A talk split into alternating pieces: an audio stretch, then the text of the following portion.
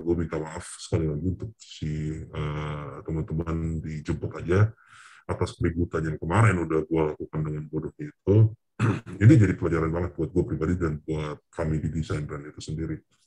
Tapi sekali lagi ya permintaan maaf ini hanya untuk jemput aja. Welcome to Talk to Talk Podcast. Let's talk now. Jumpa lagi bersama gue Andri di sini dan guest gue hari ini adalah seorang akun anonim yang pernah datang dan jadi guest juga di Talk to Talk Podcast. Tapi kali ini kita ingin mendengarkan klarifikasi dari dia karena belum lama ini dia membuat sebuah keributan di Instagram dan di Twitter. Om Wahyu Hamburger dari Disandren. Apa kabar, Bro? Baik, baik. Masih baik, Pak. Masih baik. Masih baik. Masih waras kan setelah lu kemarin digeruduk sama netizen? Masih waras dong, walaupun udah dijemput sama orang-orang Twitter, masih oke. Okay. Lagian, lu tuh ya, menurut gue postingan lu yang kemarin itu tuh yang review tentang jemput aja, aplikasi jemput aja itu memang ini sih. Menurut gue memang udah kelewat batas sih. gue setuju. Gue nggak bisa uh, menolak gagasan itu karena gue juga merasa setelah gue lihat ya, hmm.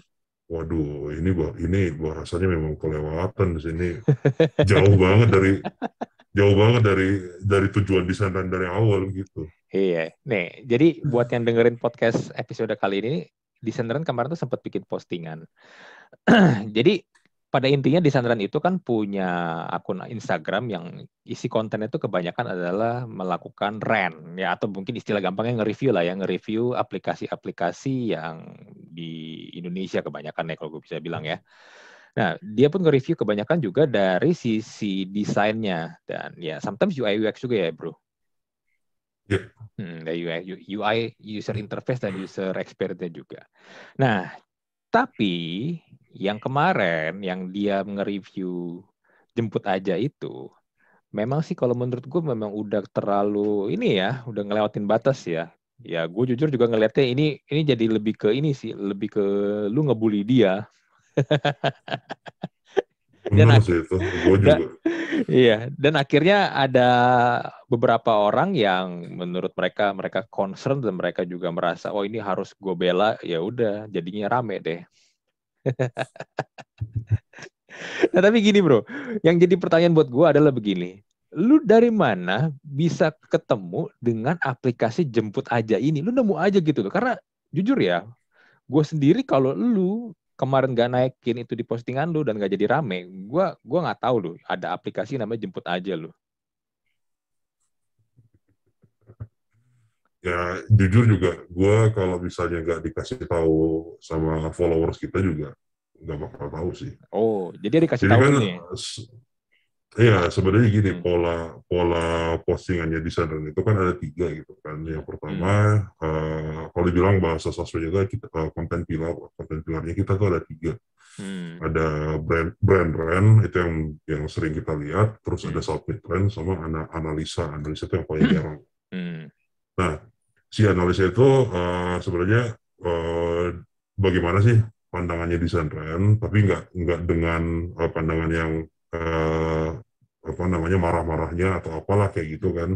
Hmm. Tapi kita lebih mencoba untuk uh, mengupas dengan sedikit lebih dalam walaupun nggak dalam-dalam amat. Kenapa? Karena kita hmm. sebenarnya pengen ya udah diskusinya nanti kita diskusi di uh, kolom komentar gitu. Yeah.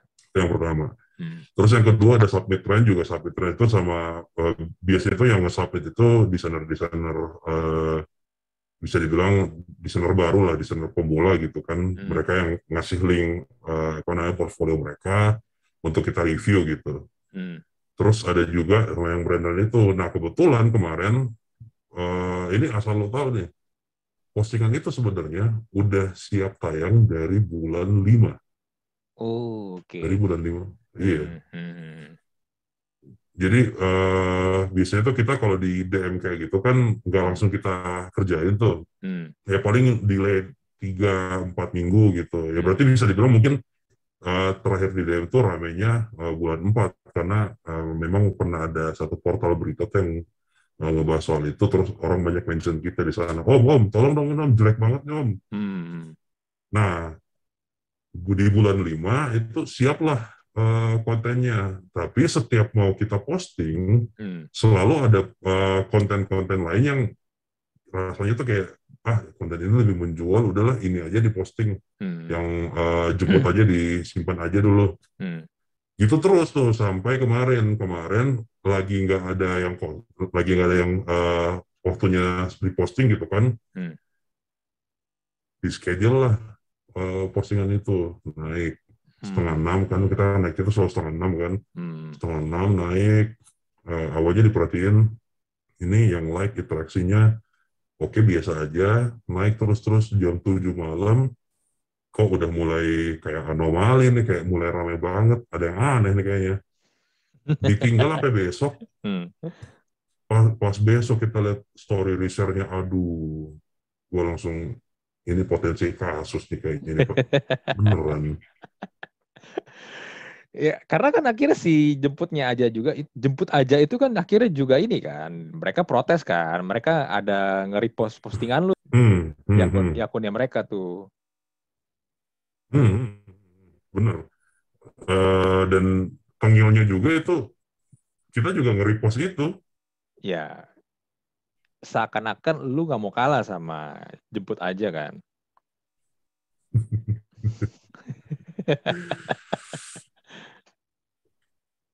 tapi sebenarnya itu bisa bisa gue apa ya eh, kebodohan itu benar-benar benar-benar tindakan yang paling bodoh sih dan Hmm. memang postingan itu juga nggak nggak kita kurasi seperti biasa gitu loh Hmm. jadi memang los los aja gue bikin tapi nggak di nggak di filter sama teman-teman yang lain lolos gitu nah soal postingan eh, apa namanya postingannya si jemput aja itu tuh Hmm. eh gue tuh sebenarnya waktu DM DM-an sama si orang jemput ajanya itu gue pengen bilang sebenarnya mendingan eh, postingan ini jangan nggak usah di take down gitu. Hmm. gue udah di take down sama mereka karena buat gue ya udah eh, biarkan postingan itu tuh menjadi pengingat gue menjadi monumen lah buat gue bahwa eh, inilah batasan yang eh, sebaiknya kalau mau gue senggol jangan terlalu dekat sampai ke sini gitu. Menjadi pengingat aja tapi udah di take down. Hmm. Ya buat mereka mungkin juga nggak ada benefitnya mereka tetap taruh di situ bro. Kalau memang tujuannya hanya untuk sebagai pengingat buat lu doang, ya buat apa buat mereka? Bagi mereka kan ngotor-ngotorin iya sih fitnya mereka doang jadinya. Nah cuman gini, lu jadinya udah kontak-kontakan sama ownernya jemput aja kan, dan sebenarnya everything is Hmm. fine kan. Lu lu lu sama ownernya pun juga udah ini kan, udah fine fine aja kan. Udah inilah ya, udah cool lah Hmm. satu sama lain kan. Eh, beneran udah udah selesai sebenarnya. Eh, dan sebenarnya kalau udah memang selesai juga eh, mungkin kelasnya itu satu kelas kecil itu hanya ada di postingan hoaxnya itu. Tapi Hmm. di postingan itu pun juga gua gua komentarnya itu bahwa eh, apa gue bilang waktu itu ya? Ya banyak aplikasi eh, yang yang sekiranya memang gede tapi ya tetap aja masih ad- masih nggak sempurna gitu ya tetap semangat intinya gue nggak Hmm. gue nggak eh, mercikin api lagi di situ kan nah Hmm. setelah itu barulah kita dm dman dia bilang oh makasih ya udah, udah di ini bisa di pembelajaran buat kita bla bla bla Hmm. gue juga Hmm. ya udah eh, eh, di situ tuh banyak pendukungnya eh, jemput aja tuh yang nyerang kita dan gue bilang banyak pendukung lo yang nyerang kita dan gue nggak melihat itu sebagai eh, serangan sebenarnya itu gue lihat sebagai lo tuh punya power lo tuh punya dukungan eh, dari user-user lo gitu loh Hmm. Hmm. Hmm. Hmm. Eh, dan yang menariknya lagi adalah setelah itu banyak teman-teman eh, followers desain brand yang komen di sana dan mereka menawarkan jasa-jasanya di situ. Terjadi, terjadilah bisnis di situ. Hmm. Iya, iya, iya. Ada momentum soalnya. Wah, ini ada yang bisa kita benerin nih. Dan kebetulan gue juga punya skill di situ ya kenapa enggak ya kan sebenarnya nggak salah Nggak salah memang. Sebenarnya gini sih, eh, si ownernya tuh sempat minta kontak eh, kontakin desain brand kan, tapi Mhm. gue kasihnya eh, yang yang email aja gitu. Hmm. Cuma gue bilang kalau misalnya eh, lu mau ngomong soal bisnis misalnya uh, ada yang bisa gue benerin di uh, aplikasi lu, hmm. gue akan lebih memilih untuk uh, apa namanya memberikan rekomendasi studio-studio lain yang gue kenal gitu. Karena menurut gue nggak etis. Ibaratnya kayak gue ngebakar rumah orang terus gue menawarin jasa gue buat benerin rumah gitu. Menurut gue iya. itu nggak nggak iya, bagus. Iya iya. Betul betul. Lu kayak ini kan lu lu kasih virus terus lu juga bikin antidotnya saat itu juga kan Aha, hmm. itu nggak bagus itu iya konspirasi dong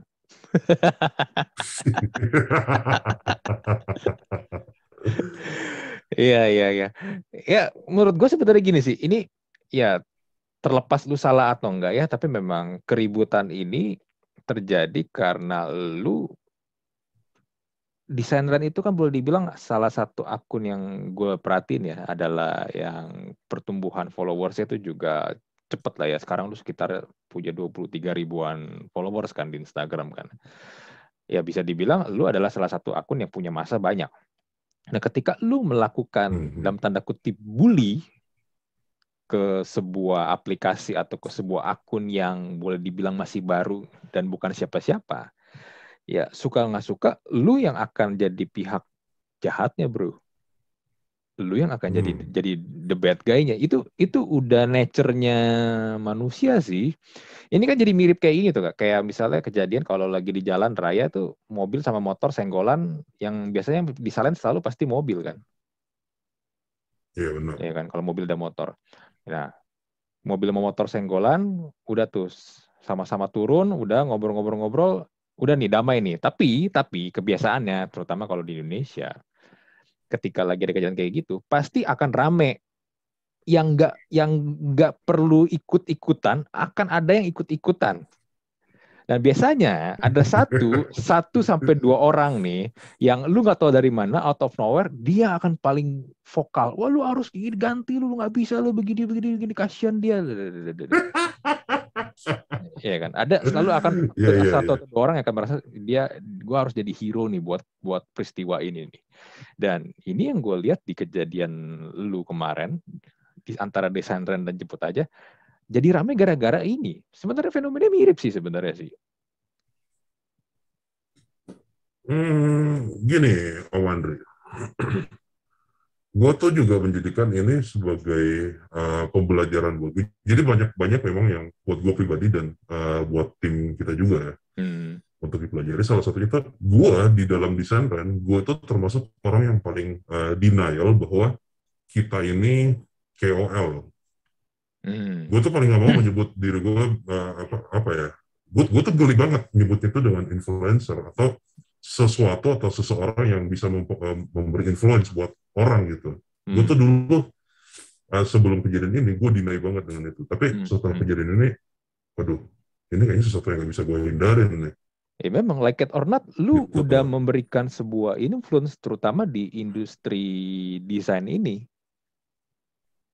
hmm. di industri di mana lu bermain konten-konten lu bermain di sini kan ya karena yang gue lihat adalah orang-orang yeah. yang akhirnya bersuara vokal kalau gue perhatiin adalah orang-orang yang juga bermain di industri yang lu sedang geluti ini ini kan mereka merasa ada yang salah nih dengan cara lu gini gue gua mungkin gak terlalu masalah walaupun seperti yang gue bilang di awal lu salah karena lu seperti membuli si jemput aja ya Nah, tapi kan gue hmm. gua gua nggak gua nggak terlalu sampai yang berkoar-koar atau gimana, mungkin karena gue kenal lu gitu kan. Gue jadi gue gue merasa ya udahlah, gue hmm. gue cukup mendegur aja, eh lu salah gini gini gini.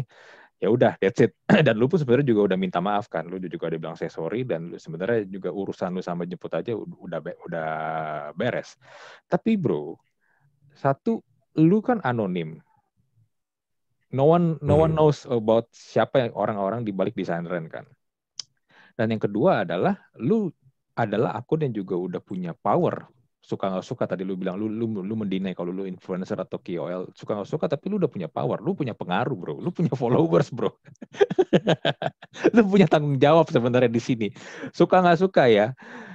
Dan eh, itu mungkin ya kalau gue menempatkan diri gue di posisi yang orang-orang yang ini yang komplain sama lu nih, ya mungkin mereka ngelihat lu harusnya bisa lebih bertanggung jawab lagi dengan apa yang lu punya sekarang gitu. Ya, lu punya sesuatu yang besar, mengbuli yang kecil, itu hukumnya udah pasti lu yang akan jadi yang penjahatnya bro. Lu nggak mungkin akan jadi yang pihak yang baik.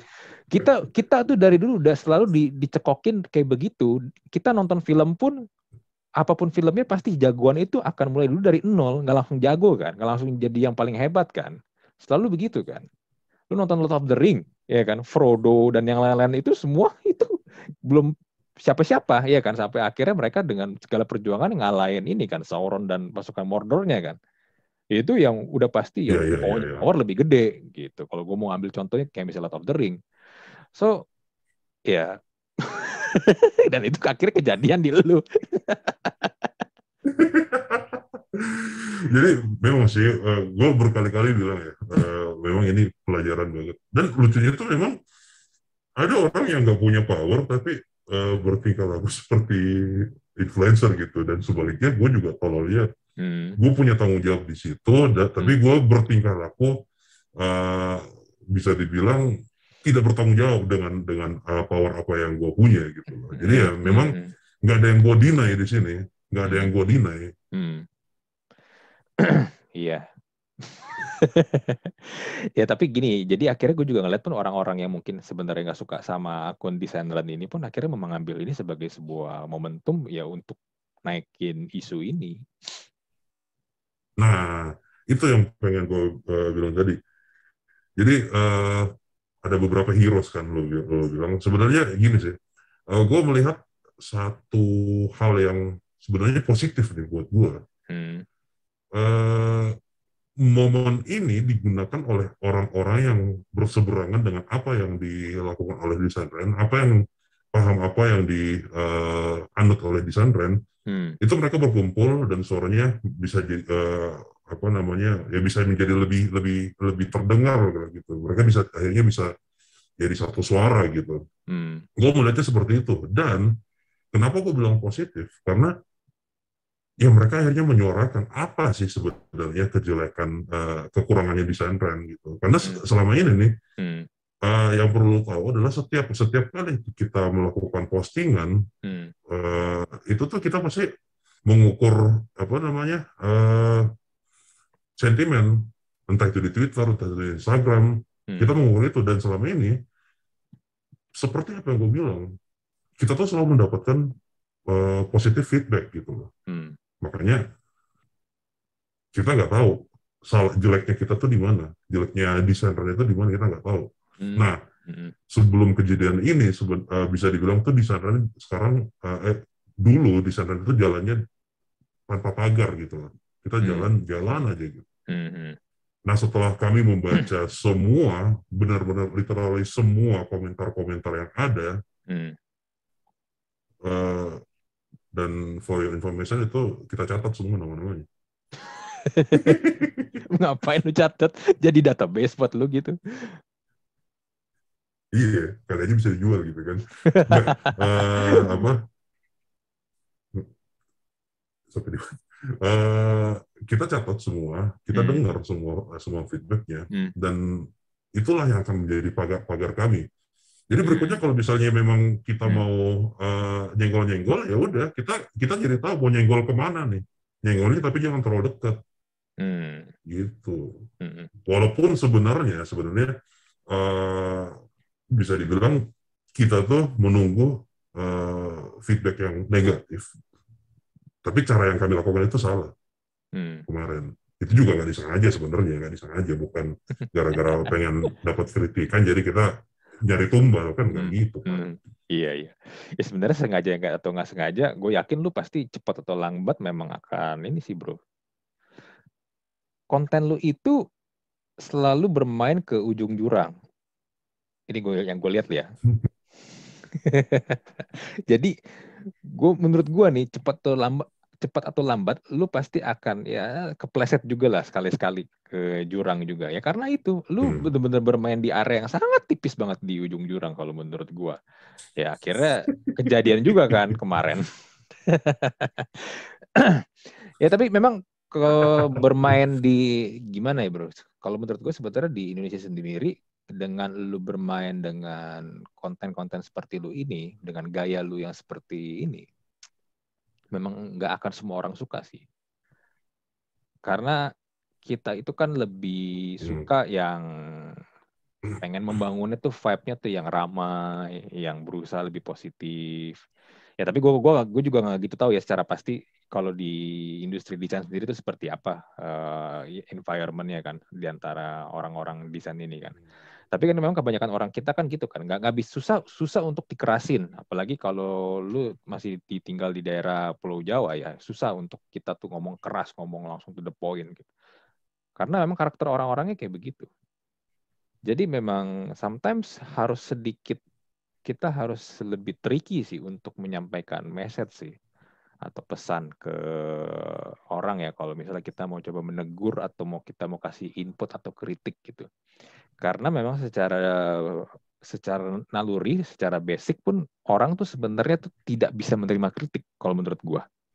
Sehalus apa pun kita mengingatkan hmm. orang, kita berusaha mengkritik orang, pasti suka nggak suka kita akan berusaha mendinai dulu. Ah, masa sih enggak? Hmm, eh, menurut gue lu harus lu harusnya begini deh. Harusnya kalau ngomong lebih sopan deh. Ah, enggak, kayak gue ngomong udah sopan.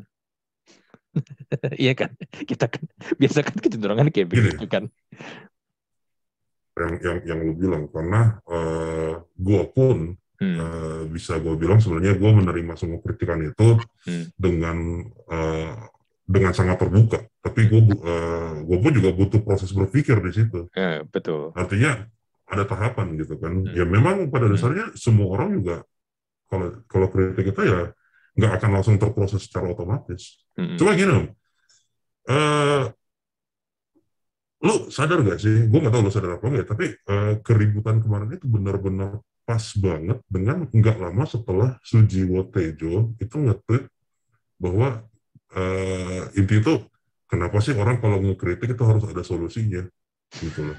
Jadi gue iya iya, mm-hmm. gue baca. Gue tuh uh, sambil uh, scroll-scroll timeline muncul Sujiwo Tejo. Waduh anjing kenapa sampai Sujiwo Tejo komen kayak begini? Hmm. Tapi pas gue lihat oh konteksnya beda. Hmm. Tapi sama sebenarnya.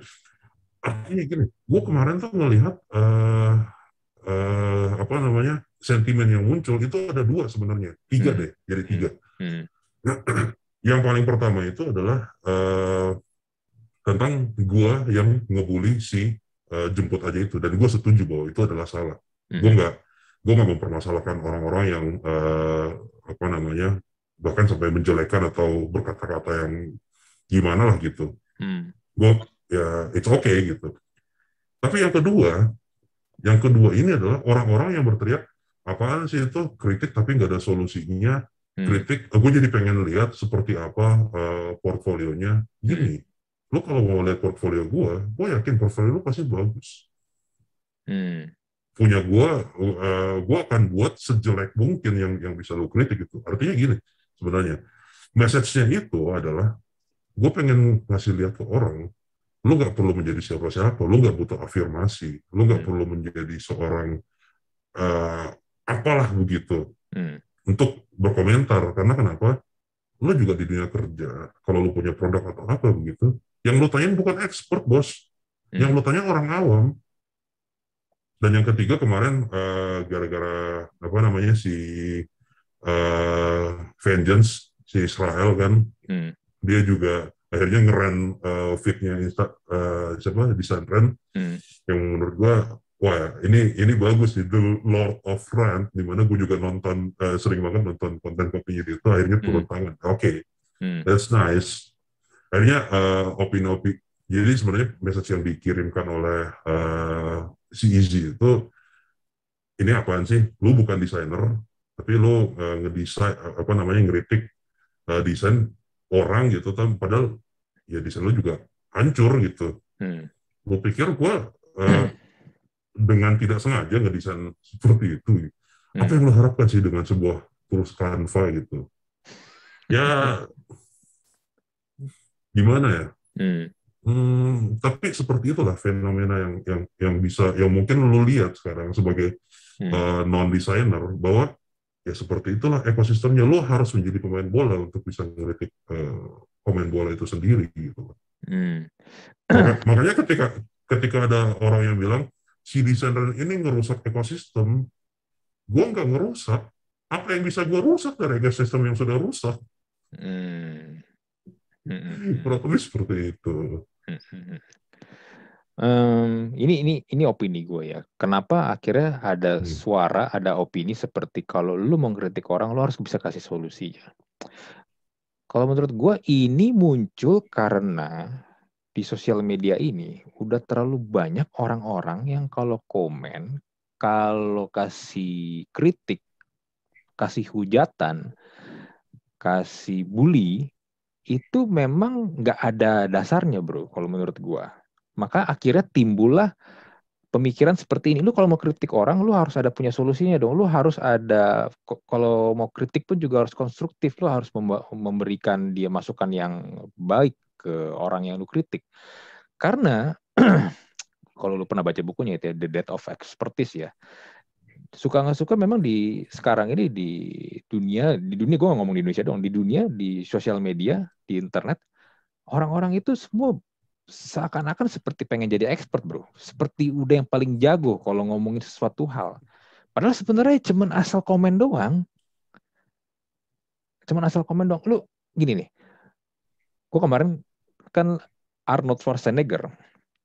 Arnold Schwarzenegger. Itu kan sebelum dia main film dan dia jadi gubernur, sekarang juga udah mantan gubernur sih. Sekarang umurnya udah 70-an ya, sekitar 70-an. Sebelumnya dia adalah ini kan, atlet binaraga kan. Dia itu correct me if, if I'm wrong, kalau nggak salah dia tujuh kali juara Mister Olympia. Itu kejuaraan dunia ini, binaraga. Tujuh kali loh. Dan hmm. seingat gue enam kali berturut-turut dia juara di antara tujuh itu. dia lagi latihan bro. Dia lagi latihan buat latihan back. Dan lu tahu gak?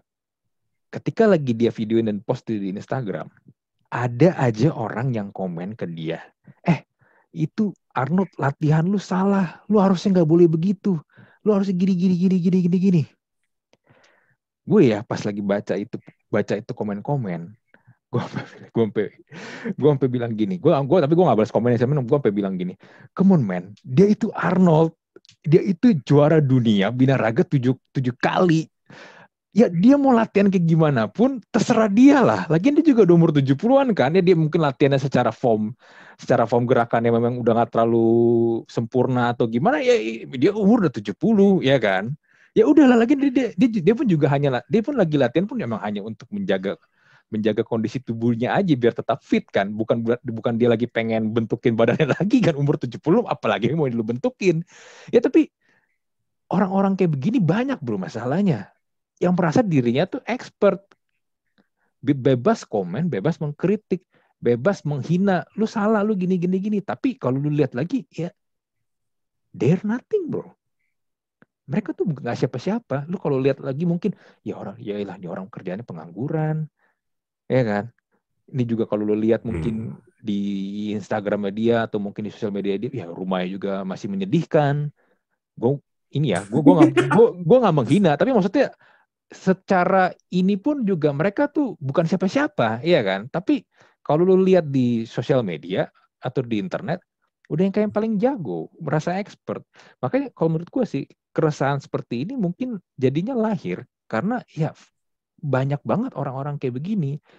Jujur ya, gue gua sendiri pun emang agak-agak gimana? Bukan agak sih, menurut gue, gue pun sendiri benar muak banget ngeliat orang-orang kayak begitu gitu. Karena, come on man, nggak semuanya itu lu harus komenin. Kalau lu emang gak setuju, gak suka, ya udahlah hmm. that's it. Tapi bukan berarti lu harus mempertanyakan dia, apalagi dia yang memang bener-bener sebenarnya juga udah expert. Come on man, kayak tadi gue bilang Arnold tujuh kali juara dunia, Mr. Olympia lu gitu. Sedangkan yang komen itu dia mungkin pun juga baru mulai fitness, baru mulai nge-gym kan. Membernya juga baru sehari ya. Iya begini, mungkin bisa jadi atau mungkin jangan-jangan baru mau daftar baru mau daftar member, iya kan? Tapi ya tapi kan maksudnya gini, fenomena eh, iya. fenomena kayak gini ini ini terjadi gitu. Hmm. Jadi ya kalau tadi lu sempat menyuarakan tentang hal ini, gua ya mungkin ini gua gua kon, gua jadinya kontra sama pendapat tuh nih. Tapi buat gua ini memang terjadi karena ya many people tuh di luar sana tuh yang sebenarnya bukan siapa-siapa sekarang tuh itu sucks banget memang kalau untuk ini komen. Ini sih uh, ini kalau menurut gue ya, hmm, si bocah tadi itu yang dengan bangsatnya ngomongin cara Arnold Arnold Schwarzenegger hmm. nge-gym, hmm. dia dia nggak salah, dia nggak salah. Hmm. Karena gini, pertama-tama kita mesti tahu bahwa uh, bahkan seorang Arnold Schwarzenegger pun itu siapa yang bisa jamin bahwa dia benar-benar bisa Eh, sangat-sangat uh, menguasai semua teknik nge-gym gitu. Hmm. Even dia dia udah menguasai, apakah ada yang menjamin uh, dia nggak lupa satu, satu atau dua teknik gitu. Kan. Hmm. Itu yang pertama. Yang kedua, ilmu itu pasti berkembang. Gue nggak tahu kalau di dunia di dunia uh, fitness ya. Hmm. Tapi kalau bisa uh, kita bicara ilmu secara umum, ilmu itu nggak ada yang stagnan pasti, pasti berkembang. Gue misalnya udah 40 tahun di dunia desain, hmm gue dengan sombongnya bilang gue udah menguasai semua ilmu desain tiba-tiba ada ada anak intern yang muncul omahnya lo salah om ini gak seperti ini hmm. dan gue dengan ngototnya bilang sampai lo lo kan masih intern hmm. ternyata memang sekarang ilmunya tuh seperti itu berkembangnya ke situ hmm. nah sebenarnya kontrolnya itu adalah ada di orang yang mendengarkan kalau menurut gue ya ada di orang yang mengkritik dikritik sorry hmm. ada di orang yang dikritik hmm uh, eh, gue dikritik bahwa bahasa gue begini, desain gue begini. Oke, okay. uh, eh, itu akan menjadi masukan yang sangat menarik buat gue. Hmm. Dan kontrolnya ada ada di gue. Apakah gue mau men, uh, melak, apa namanya mendengarkan itu atau enggak gitu kan? Hmm. Tapi gue memberikan lu kebebasan uh, untuk ngomong tentang itu gitu. Hmm. Seperti halnya gue juga ketika gue merasa gue memiliki kebebasan untuk melakukan hal yang sama kepada lu gitu. Hmm. Nah, kalau konteksnya terhadap kritik mengkritik, kalau menurut gue, siapa pun bebas untuk memberikan kritik. Karena siap uh, yakin loh orang yang mau kritik itu adalah audiens lu, orang yang menonton lu, orang yang melihat lu. Hmm. Bahkan uh, ketika dia itu baru melihat lu satu atau dua detik cuma sekilas doang, tapi dia melihat lu, dia dia menghabiskan waktunya seper seper seper detik gitu kan, hmm. ya untuk melihat lu, dia ngeluarin effort seperti itu, menurut gue nggak salah juga kalau dia mau kritik lo. Gitu. Balik lagi, kontrolnya ada di orang yang dikritik itu, lo mau menerimanya seperti apa sih? Hmm. Kayak gitu. Kalau hmm. gue. Hmm, hmm, hmm, iya, iya, iya. Memang sih, gue, gue, gue kalau untuk kali ini gue, gue setuju sih. Karena ketika lu mendapatkan komen head, head comment atau mungkin kritik ya, Uh, memang lu punya dua pilihan sih. Lu panas dan akhirnya lu balas-balesin. Ada kan yang tipikalnya kayak gitu kan. Lu balas-balesin. Intinya hmm. lu lu nggak mau kalah. Akhirnya terjadi lah debat kusir di kolom komen. Atau mungkin ya udah lu baca. Oh ya udah, ini mungkin masukannya bagus, tapi mungkin juga enggak ya. Kita dulu bilang kan kita berproses aja dulu, ya kan? Enggak, enggak harus lu enggak harus lu hmm. langsung lu action saat itu juga. Atau yang ketiga, ya udah cuekin aja. Karena kadang ya nggak harus semuanya lu turutin kan kalau nggak nggak ada habisnya gue ambil uh, gerak apa namanya pilihan yang keempat om hmm. Pilihan gue yang keempat itu adalah gue baca dan gue ketawain bareng sama teman-teman gue ya jadi hiburan juga kadang-kadang. kayak, kayak, kayak kemarin gini jadi ada satu akun anonim juga akun hmm. post juga. Gue gue juga baru tahu setelah kasus ini. Hmm. uh, tiba-tiba jadi tiba-tiba dia muncul muncul lagi gitu katanya setelah satu tahun hiatus terus muncul di Instagram uh, dia ngeluarin effort juga gitu. Gue nggak tahu ngeluarin effort atau uh, memang uh, riding the wave aja gitu kan. Hmm. tentang desain. Ryan menurut kalian gimana ini gimana gimana? Gue oke. Okay, setidaknya kita udah memberikan lahan buat orang gitu. Yang kayak misalnya superhero yang kemarin yang tadi udah lo bilang dia udah mendapatkan ininya uh, apa yang dia mau gitu kan. Apalagi hmm. setelah uh, gua ngepost apa namanya permintaan maaf itu. Yang mana permintaan maaf itu juga bukan buat netizen sih sebenarnya itu tuh permintaan maaf untuk jemput aja dan kan ini ini ini, ini kocak ini kocak deh iya Gua- iya gua gua gua ngebacain kan hmm. orang-orang bilang kita menang men lu menang kenapa gue kan minta maaf sama lu gue minta maaf sama jemput aja iya ya itu? Iya gue tau, gue tau. Gue, gue paham maksud lo. Itu kan kayak tadi gue bilang tadi, itu kan fenomena kayak ini tadi kan. Mobil sama motor senggolan. Ada satu atau dua orang yang akan paling ribut ya kan. men- Menuntut si yang punya mobil ini. Terlepas siapa yang salah ya, mobil atau motornya ya. Untuk tanggung jawab, untuk Hmm. yang ngegantiin.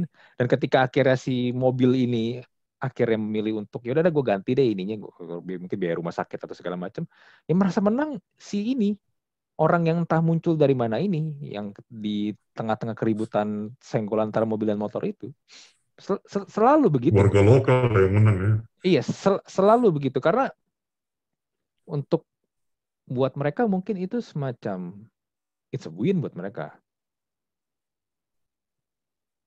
Hmm, I- iya kan? Lu permintaan maaf. Gue gue sih gue sih melihat begini permintaan maaf gue itu adalah sebuah trofi atas eh, waktu luang mereka yang udah terbuang gitu sebenarnya bukan waktu luang sih ya. Tapi memang orang kita itu banyak yang ini sih banyak yang nganggur kalau menurut gua. Akhirnya sampai bisa ngurusin kayak begitu. Apalagi di tengah pandemi kayak gini banyak banyak yang nggak ada kerjaan kalau menurut gua sih. Sampai bisa lu sampai sebegitunya gitu loh. Padahal ketika ini akhirnya udah selesai kan lu sama jemput aja udah baikan udah fine fine aja sebenarnya ketika mereka merasa menang pun habis itu setelah itu apa? Ya udah kan? Nothing's happen. Lu lu lu sebagai lu sebagai desain brand Enggak. apa tuh enggaknya? Enggaknya ya tetap aja diperpanjang. Jadi urusan antara gue dan JA-nya itu udah selesai. Nah sekarang ke gue lagi. Sampai postingan-postingan lama tuh di diangkat ya kayak gitu aja memang eh, alurnya kan. Ingat gak sih yang gue ngomong soal pe- pemerataan internet itu padahal Hmm. itu itu message-nya ada loh di situ Hmm. Eh, nggak nggak nggak serta merta bahwa pemerataan internet memang harus dihapus ada yang ngomong kayak begitu yang Hmm. yang nge- nge-quote eh, apa namanya tweet itu ada jadi memang tujuannya itu bukan bukan gue minta maaf ya pengen gue mati aja gitu karena menurut gua mungkin mereka emang pada dasarnya emang nggak suka sama desain brand udah that's it sih. Jadi lu mau gimana pun Hmm. lu mau ngomong apa pun lu mau bikin postingan Instagram kayak gimana pun lu nafas pun ya buat mereka lu salah. Eh, karena mereka udah karena mungkin mereka emang udah udah nggak nggak suka sama lu aja sih udah sih menurut gue gitu sih. Dan tapi menurut gue ini perta- pertanda bagus sih. Dengan lu punya haters itu tandanya lu udah famous bro. Tanda orang kalau udah famous adalah Gua- ketika dia udah punya haters. Haters ini adalah sekelompok orang yang peduli sama lu. Dia akan memperhatikan semua gerak gerik lu. Menunggu lu kepleset. Supaya nanti mereka ya. mereka punya bahan bahan bahan untuk ya itu untuk ngebully lu balik gue tuh eh, sebenarnya kalau lo bilang famous gue balik lagi gue Hmm. eh, selalu berusaha untuk mendinai hal itu sih gue benci being a famous person gitu itu Hmm. sebenarnya salah satu alasan kenapa gue nggak pernah mau nunjukin muka gue nih Hmm. karena eh, gue bukan menghindari orang-orang yang nggak suka sama gue tapi Hmm. gue menghindari orang-orang yang suka sama gue karena kenapa buat gue ya lo ketemu sama orang yang nggak suka sama lo itu eh, udah selesai sampai di situ aja Hmm. tapi ketika lo melihat orang yang dulunya suka sama lo dan berbalik menjadi orang yang nggak suka sama lo itu sakit Hmm. gue menghindari hal itu gitu loh makanya eh, ada batasan antara eh, diri gue di kehidupan nyata dan eh, di desain brand itu sendiri gitu. Walaupun eh, sesama dua-duanya sama-sama wahyu tapi ada ada ada perbedaan di situ. Ya desain brand itu cuma panggung kalau buat gue maksudnya Hmm. ya udah gue berlakuan aja menjadi seorang wahyu hamburger gitu. Tapi eh,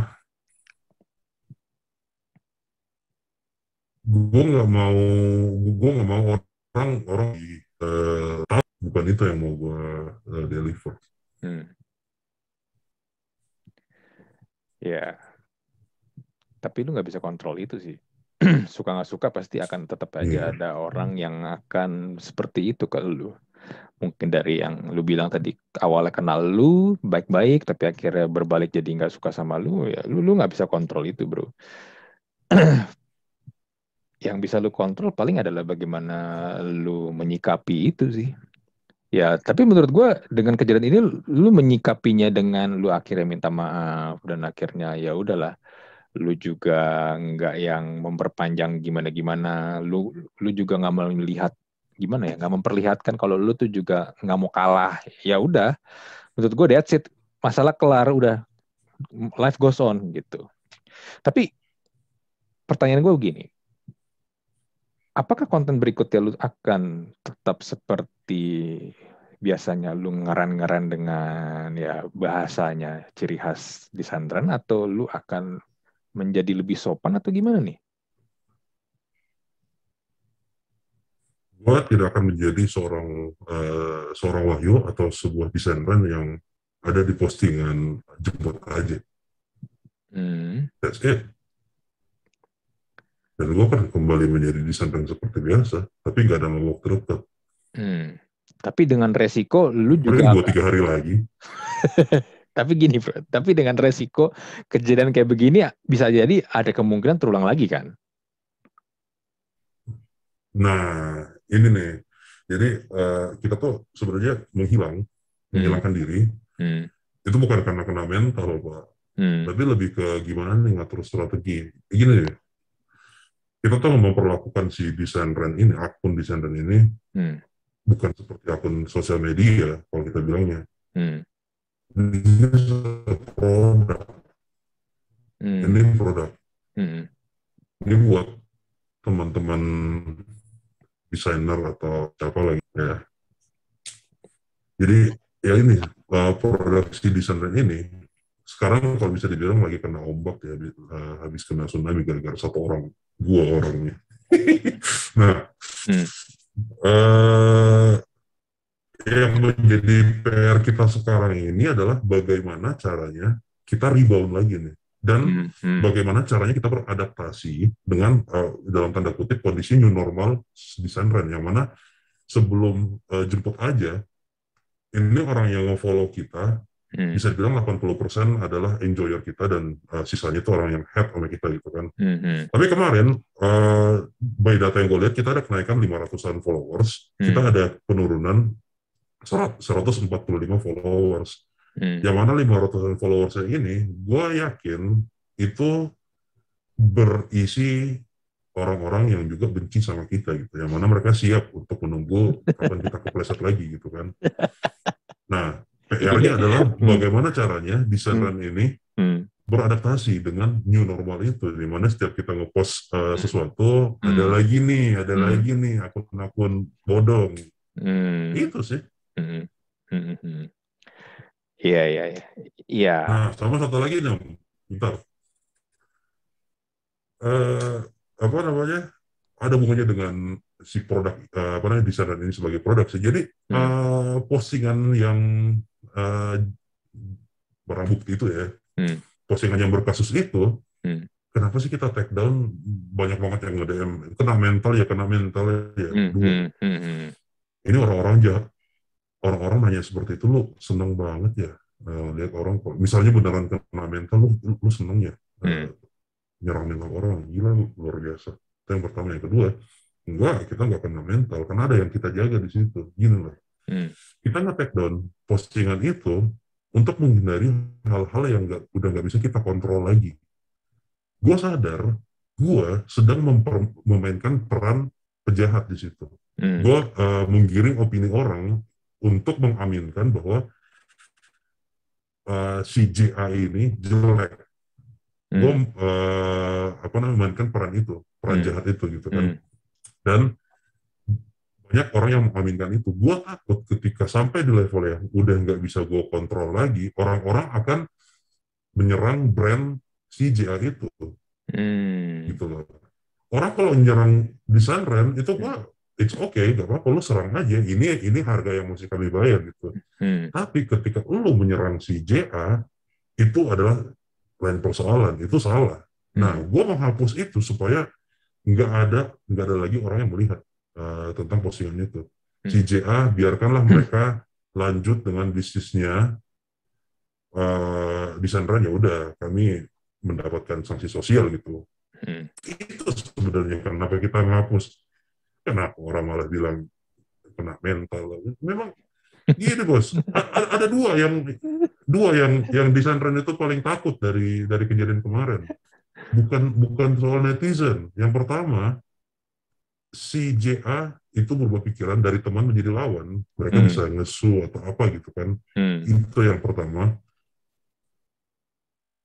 invoice dan kontrak Iya, pada batal, Pak. Iya, iya, iya. Lu jadi jadinya di Sandra nanti kan salah sana sini lagi. kalau netizen mah udah lah, yang kayak gitu netizen kita. Hmm, iya. Ya netizen kalau lu dengerin mah nggak bakal ada habisnya lah. Mm -hmm. ya tapi kesimpulan gue gini sih. Sebenarnya terlepas dari apa yang biasa lu dan desain trend ini ya show di akun Instagram yang marah-marah mulu kesannya marah-marah doang kerjaannya dan kesannya juga lu kalau ngomong selalu kasar ya tapi sebenarnya kalau mungkin yang dengerin atau nonton episode podcast kali ini sebenarnya ya Om Wayu Hamburger ini orangnya nice juga kan sebenarnya Gak, gak, karena gak, udah kena masalah. Karena udah kena masalah, makanya dia sekarang ini lagi jinak deh. Coba tunggu aja dua hari tiga hari lagi kita lihat lagi gimana nih ntar.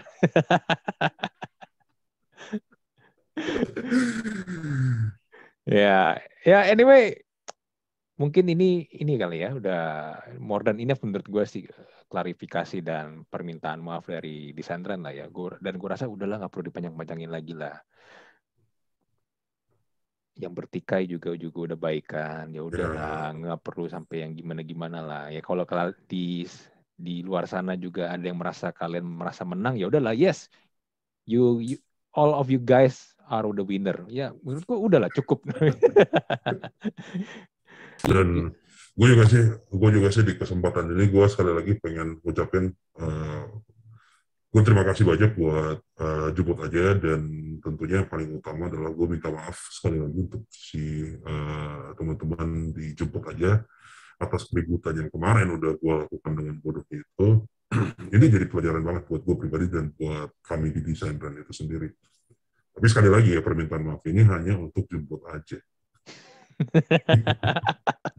bukan untuk netizen oh sama buat Om Basuki bikin bisnisnya hancur gara-gara gue. Oke deh, kita close aja lah nanti daripada lu ngomongnya makin ngawur, tar tiba-tiba lu ini lagi, mesti minta maaf untuk kedua kalinya. Oke ya kita kita ini ya kita tutup ya episode podcast kali ini ya. Gua Andri dan Om Boy Hamburger dari Disantren yang sudah minta maaf dan klarifikasi. Mohon pamit. Kita jumpa lagi di episode Talk to Talk podcast berikutnya. Bye.